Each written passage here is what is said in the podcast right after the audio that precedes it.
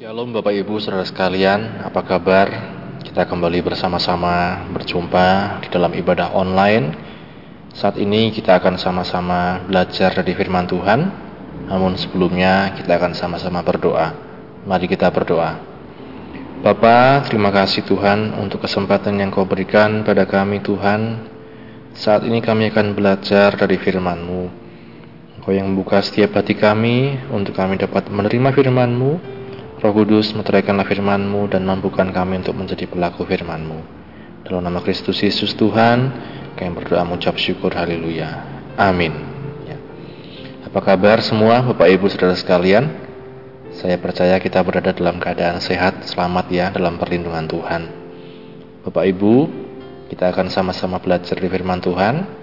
Kalau dalam PA yang lalu kita sudah belajar Bagaimana untuk ikut Tuhan ternyata itu bukan perkara yang mudah. Paulus pun dalam perjalanan hidupnya dia harus mengalami berbagai macam tantangan, rintangan ya. Dia masuk penjara, dia mengalami kesesakan dan berbagai macam hal yang lain. Namun itu semua dikatakan oleh Rasul Paulus bukan menjadi satu hal yang memberatkan dia. Oleh Injil itulah dikatakan dia mengalami satu pencerahan satu pengenalan akan Tuhan, dan kemudian dia menjadi orang yang memberitakan Injil. Bahkan karena Injil itulah dikatakan dia harus menghadapi penjara, aniaya, kesesakan, dan lain sebagainya. Nah ini Bapak Ibu Saudara sekalian yang perlu juga kita renungkan dalam kehidupan kita untuk kita dapat mengenal Injil itu dengan benar. Ya. Mari sama-sama kita akan buka bersama di dalam Efesus pasal 3 ayat 14 sampai ayat yang ke-21. Efesus pasal 3 ayat 14 sampai ayat yang ke-21. Demikian bunyi firman Tuhan. Itulah sebabnya aku sujud kepada Bapa yang daripadanya semua turunan yang di dalam sorga dan di atas bumi menerima namanya. Aku berdoa supaya ia menurut kekayaan kemuliaannya menguatkan dan meneguhkan kamu oleh rohnya di dalam batinmu sehingga oleh imanmu Kristus diam di dalam hatimu dan kami berakar serta berdasar di dalam kasih. Aku berdoa supaya kamu bersama-sama dengan segala orang kudus dapat memahami betapa lebarnya dan panjangnya dan tingginya dan dalamnya kasih Kristus dan dapat mengenal kasih itu sekalipun ia melampaui segala pengetahuan. Aku berdoa supaya kamu dipenuhi di dalam seluruh kepenuhan Allah bagi dialah yang dapat melakukan jauh lebih banyak daripada yang kita doakan atau pikirkan, seperti yang ternyata dari kuasa yang bekerja dalam kita. Bagi dialah kemuliaan di dalam jemaat dan di dalam Kristus Yesus turun-temurun sampai selama-lamanya. Amin. Ya. Berbahagia setiap kita membaca, mendengar, yang merenungkan, dan yang melakukan firman Tuhan. Bapak Ibu saudara sekalian, tema firman Tuhan sore hari ini adalah jauh melebihi yang kita pikirkan dan doakan. Ya. Jauh melebihi yang kita pikirkan dan doakan. Khususnya di ayat yang ke-20 kita lihat bagi dialah yang dapat melakukan jauh lebih banyak daripada yang kita doakan atau pikirkan. Seperti yang ternyata dari kuasa yang bekerja di dalam kita. Ini Bapak Ibu, saudara sekalian, termasuk di dalam doa Paulus. Kalau kita berdoa, Bapak Ibu, apa yang kita doakan? Apakah hanya tentang kehidupan kita pribadi, tentang keluarga kita, tentang masalah kita, tentang pergumulan kita? Kalau kita melihat dalam suratan Efesus, ada tiga hal yang dikatakan didoakan oleh Rasul Paulus. Yang pertama adalah tentang iman, yang kedua adalah tentang kasih, dan yang ketiga adalah tentang pengenalan akan Tuhan.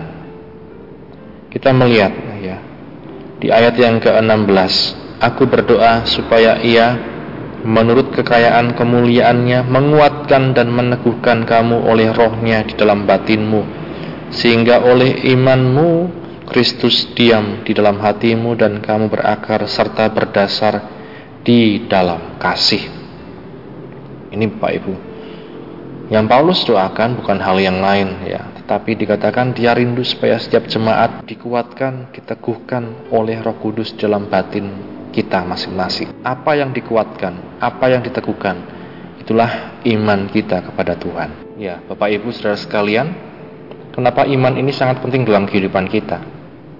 Karena memang inilah yang terus dikocoh ya, terus mau untuk diruntuhkan oleh iblis melalui berbagai macam masalah godaan, tantangan dan lain-lain.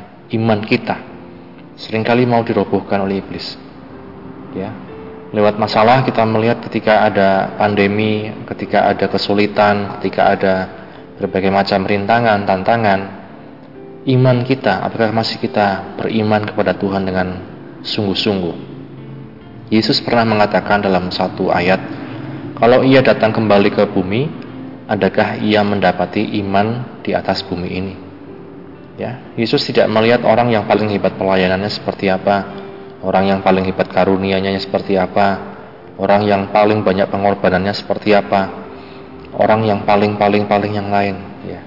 Tapi Yesus ingin tahu, apakah masih ada orang yang beriman, masih adakah iman itu di atas bumi ini?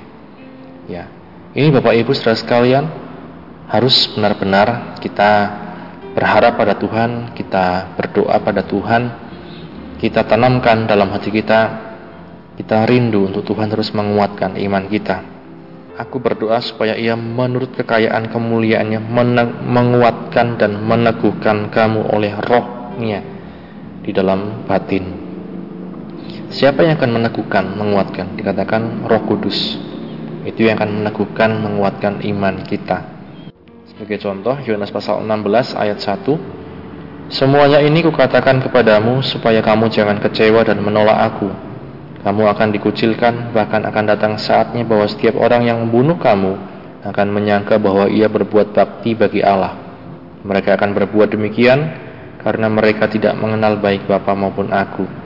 Tetapi semuanya ini kukatakan kepadamu, supaya apabila datang saatnya kamu ingat bahwa aku mengatakannya kepadamu. Semuanya ini kukatakan kepadamu supaya kamu jangan kecewa dan menolak aku. Ternyata ketika kita mengikut Tuhan, kita bisa kecewa dan menolak Tuhan. Karena apa pun. Ya, bahkan dikatakan ada saatnya setiap orang yang membunuh kamu akan menyangka bahwa ia berbuat bakti bagi Allah. Mereka akan melakukan berbuat demikian karena tidak mengenal baik Bapa maupun aku. Itu sebabnya menghadapi tantangan yang demikian, Tuhan katakan kita perlu Roh Kudus. Dia mengutus Roh Kudus untuk menguatkan murid-muridnya waktu itu dan sampai sekarang untuk menguatkan setiap kehidupan kita. Ya. Itu yang dikatakan pekerjaan penghibur ya di pasal 16 ayat yang ke-7. Yohanes 16 ayat yang ke-7. Namun benar yang kukatakan ini kepadamu adalah lebih berguna bagi kamu jika aku pergi. Sebab jikalau aku tidak pergi, penghibur itu tidak akan datang kepadamu. Tapi jikalau aku pergi, aku akan mengutus dia kepadamu. Dan kalau ia datang, ia akan menginsafkan dunia akan dosa, kebenaran dan penghakiman. Ya. Dikatakan Tuhan Yesus pergi dan Roh Kudus datang. Dia akan menginsafkan dunia ini akan dosa, kebenaran dan penghakiman. Ya. Roh Kudus inilah yang akan menginsafkan kita, yang akan menguatkan kita. Ya, dia yang akan selalu mengingatkan kita tentang dosa, kebenaran dan penghakiman. Ya. Sehingga Bapak Ibu dalam segala hal yang kita perbuat, yang kita lakukan, Roh Kudus ini akan selalu berbicara di dalam hati nurani kita. Dia yang akan menguatkan kita saat ada masalah, saat ada pergumulan, tantangan, ya dan lain-lain. Roh Kudus ini akan selalu mengingatkan kita. Yang kedua, Bapak Ibu, saudara sekalian, kita kembali kepada Efesus pasal yang ketiga. Efesus pasal yang ketiga, kita melihat ayat yang ke-18.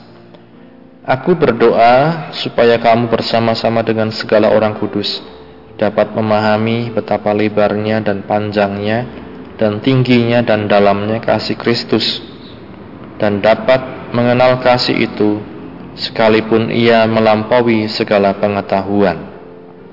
Ya. Ini Bapak Ibu, dikatakan, Aku berdoa supaya kamu bersama-sama dengan segala orang kudus dapat memahami. Memahami apa? Memahami kasih Kristus, memahami betapa lebarnya, panjangnya, tingginya, dalamnya kasih Kristus. Artinya tidak dapat dipahami dengan cara manusiawi saja. Tidak bisa dibandingkan dengan kasih manusia yang sering kali dangkal, ya, yang sering kali mudah berubah, yang sering kali tidak sungguh-sungguh tidak asli ya tapi dikatakan firman Tuhan mari kita belajar untuk memahami di tengah dunia yang semakin banyak yang semakin mudah mengomentari semakin mudah bereaksi semakin mudah mencela mencaci mari kita belajar untuk yang namanya memahami untuk dapat memahami, kita perlu belajar untuk mengenal kasih itu dikatakan kasih Kristus. Seringkali kita salah paham tentang kasih Tuhan. Kita salah paham tentang bagaimana mengasihi Tuhan itu dengan sungguh-sungguh dengan baik. Ya. Dikatakan Petrus, apakah engkau mengasihi aku? Yesus katakan, kalau begitu gembalakanlah domba-dombaku. Ya, ini Bapak Ibu, kasih Yesus yang begitu dalam, begitu lebar, begitu tinggi, begitu panjang. Dikatakan hendaknya diwujud nyatakan melalui kehidupan setiap kita, melalui apa? Hati yang mau mengasihi sesama. Ya. Kita tidak bisa mengatakan saya mengasihi Tuhan, saya mengenal kasih Tuhan kalau kita masih membenci sesama, tidak mau mengampuni sesama, hidup dalam dendam, iri hati kepada sesama. Itu artinya apa? Kita belum mengenal dan mengalami serta memahami kasih Tuhan. Ya. Mari sama-sama dikatakan kita perlu belajar dan kita perlu berdoa untuk kita memahami kasih itu. Yang ketiga adalah masalah dikatakan pengenalan akan Tuhan ya. Dikatakan di ayat 19 tadi dan dapat mengenal kasih itu sekalipun ia melampaui segala pengetahuan Aku berdoa supaya kamu dipenuhi di dalam seluruh kepenuhan Allah. Ya, ini Bapak Ibu melampaui seluruh pengetahuan. Ya, itulah pengenalan akan Tuhan. Melampaui seluruh pengetahuan. Luar biasa bukan Bapak Ibu? Kita bisa belajar banyak hal, kita bisa membaca banyak hal, tapi itu belum cukup dikatakan. Kita perlu berdoa. Kita perlu satu saat bersama dengan Tuhan sehingga kita bisa belajar mengenal kasih itu, belajar mengenal kasih itu yang melampaui segala pengetahuan. Ya. Ini Bapak Ibu, karenanya dikatakan bukan dengan kekuatan kita sendiri kita dapat melakukan ketiga hal ini, yaitu menguatkan iman, kemudian memahami kasih, kemudian mengenal Tuhan bukan dengan kekuatan kita, tetapi di ayat 20 dikatakan bagi dialah yang dapat melakukan jauh lebih banyak dari yang kita doakan dan pikirkan seperti yang ternyata dari kuasa yang bekerja di dalam kita.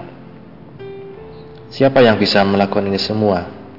Tuhan, bukan kita. Jadi kalau kita baca ayat ini Bapak Ibu, bagi dialah yang sanggup melakukan jauh lebih banyak dari yang kita pikirkan dan doakan. Jangan hanya kita berpikir tentang hal-hal material, jangan hanya kita berpikir tentang cita-cita kita, Jangan kita hanya berpikir tentang pemenuhan kebutuhan jasmani kita. Itu pasti dipenuhi Tuhan, itu pasti disediakan Tuhan bagi setiap orang yang mengasihi kita. Bagi setiap orang yang mengasihi Tuhan. Tapi mari kita berpikir bukan hanya sekedar tentang hal-hal jasmani, tetapi mari kita berpikir tentang bagaimana kita mengenal Tuhan, menguatkan iman kita. Bagaimana kita terus dikuatkan imannya, bagaimana kita terus memahami kasih Tuhan. Ya, kemampuan kita terbatas Bapak Ibu Saudara sekalian. Dikatakan oleh firman Tuhan tadi, melampaui segala pengetahuan. Siapa yang dapat mengenal Tuhan yang melampaui segala pengetahuan? Hanya Tuhan sendiri yang dapat membuka dirinya sehingga kita mampu mengenalnya. Itulah dikatakan yang didoakan Paulus. Ya, dan percayalah jika kita sungguh-sungguh di dalam Tuhan dikatakan kita mengandalkan Tuhan, kita tidak mengandalkan kekuatan kita sendiri dikatakan dia sanggup melakukan jauh lebih banyak dari yang kita pikirkan dan doakan. Amin. Ya. Ini Bapak Ibu Saudara sekalian yang menjadi satu pergumulan kita dalam dunia ini. Untuk kita terus kuat imannya, untuk kita terus memahami kasih Tuhan dan dapat mengasihi sesama dengan kasih Tuhan itu. Dan untuk kita dapat mengenal Tuhan dengan benar. Tiga hal inilah yang menjadi inti dari Injil Kristus yang diberitakan oleh Rasul Paulus. Karena Bapak Ibu Saudara sekalian, biarlah firman Tuhan di sore hari ini menjadi kekuatan bagi kita untuk terus melangkah dalam hidup ini. Ayat terakhir 21, bagi dialah kemuliaan di dalam jemaat dan di dalam Kristus Yesus turun-temurun sampai selama-lamanya. Amin. Mari sama-sama kita berdoa. Bapa, terima kasih untuk firman-Mu yang telah kami dengarkan. Mampukan kami Tuhan Kuatkan iman kami terus Tuhan dalam kami menjalani hari-hari kami. Mampukan kami untuk memahami kasih-Mu Tuhan dan untuk kami dapat menerapkan kasih itu kepada sesama kami Tuhan. Mampukan kami juga Tuhan untuk mengenal Engkau dengan benar ya Tuhan. Karena dari situlah Tuhan kekuatan kami, penghiburan kami dan kami dapat melewati semuanya itu bersama dengan Engkau Tuhan. Terima kasih Bapa, bagi Engkau lah Tuhan kemuliaan sampai selama-lamanya Tuhan. Kami bersyukur ya Bapa untuk setiap jemaatmu juga yang sudah mendengarkan firman-Mu. Mari Engkau yang mampukan untuk kami Tuhan dapat menjadi pelaku-pelaku firman-Mu Tuhan. Tanamkan setiap firman dalam hati dan pikiran kami Tuhan dan mampukan kami untuk menjadi pelaku firman-Mu. Ampuni ya Tuhan segala dosa kami Tuhan. Di dalam nama Tuhan Yesus Kristus kami sudah pernah mengucap syukur. Haleluya. Amin. Puji Tuhan. Terima kasih Bapak Ibu Saudara sekalian. Tuhan memberkati.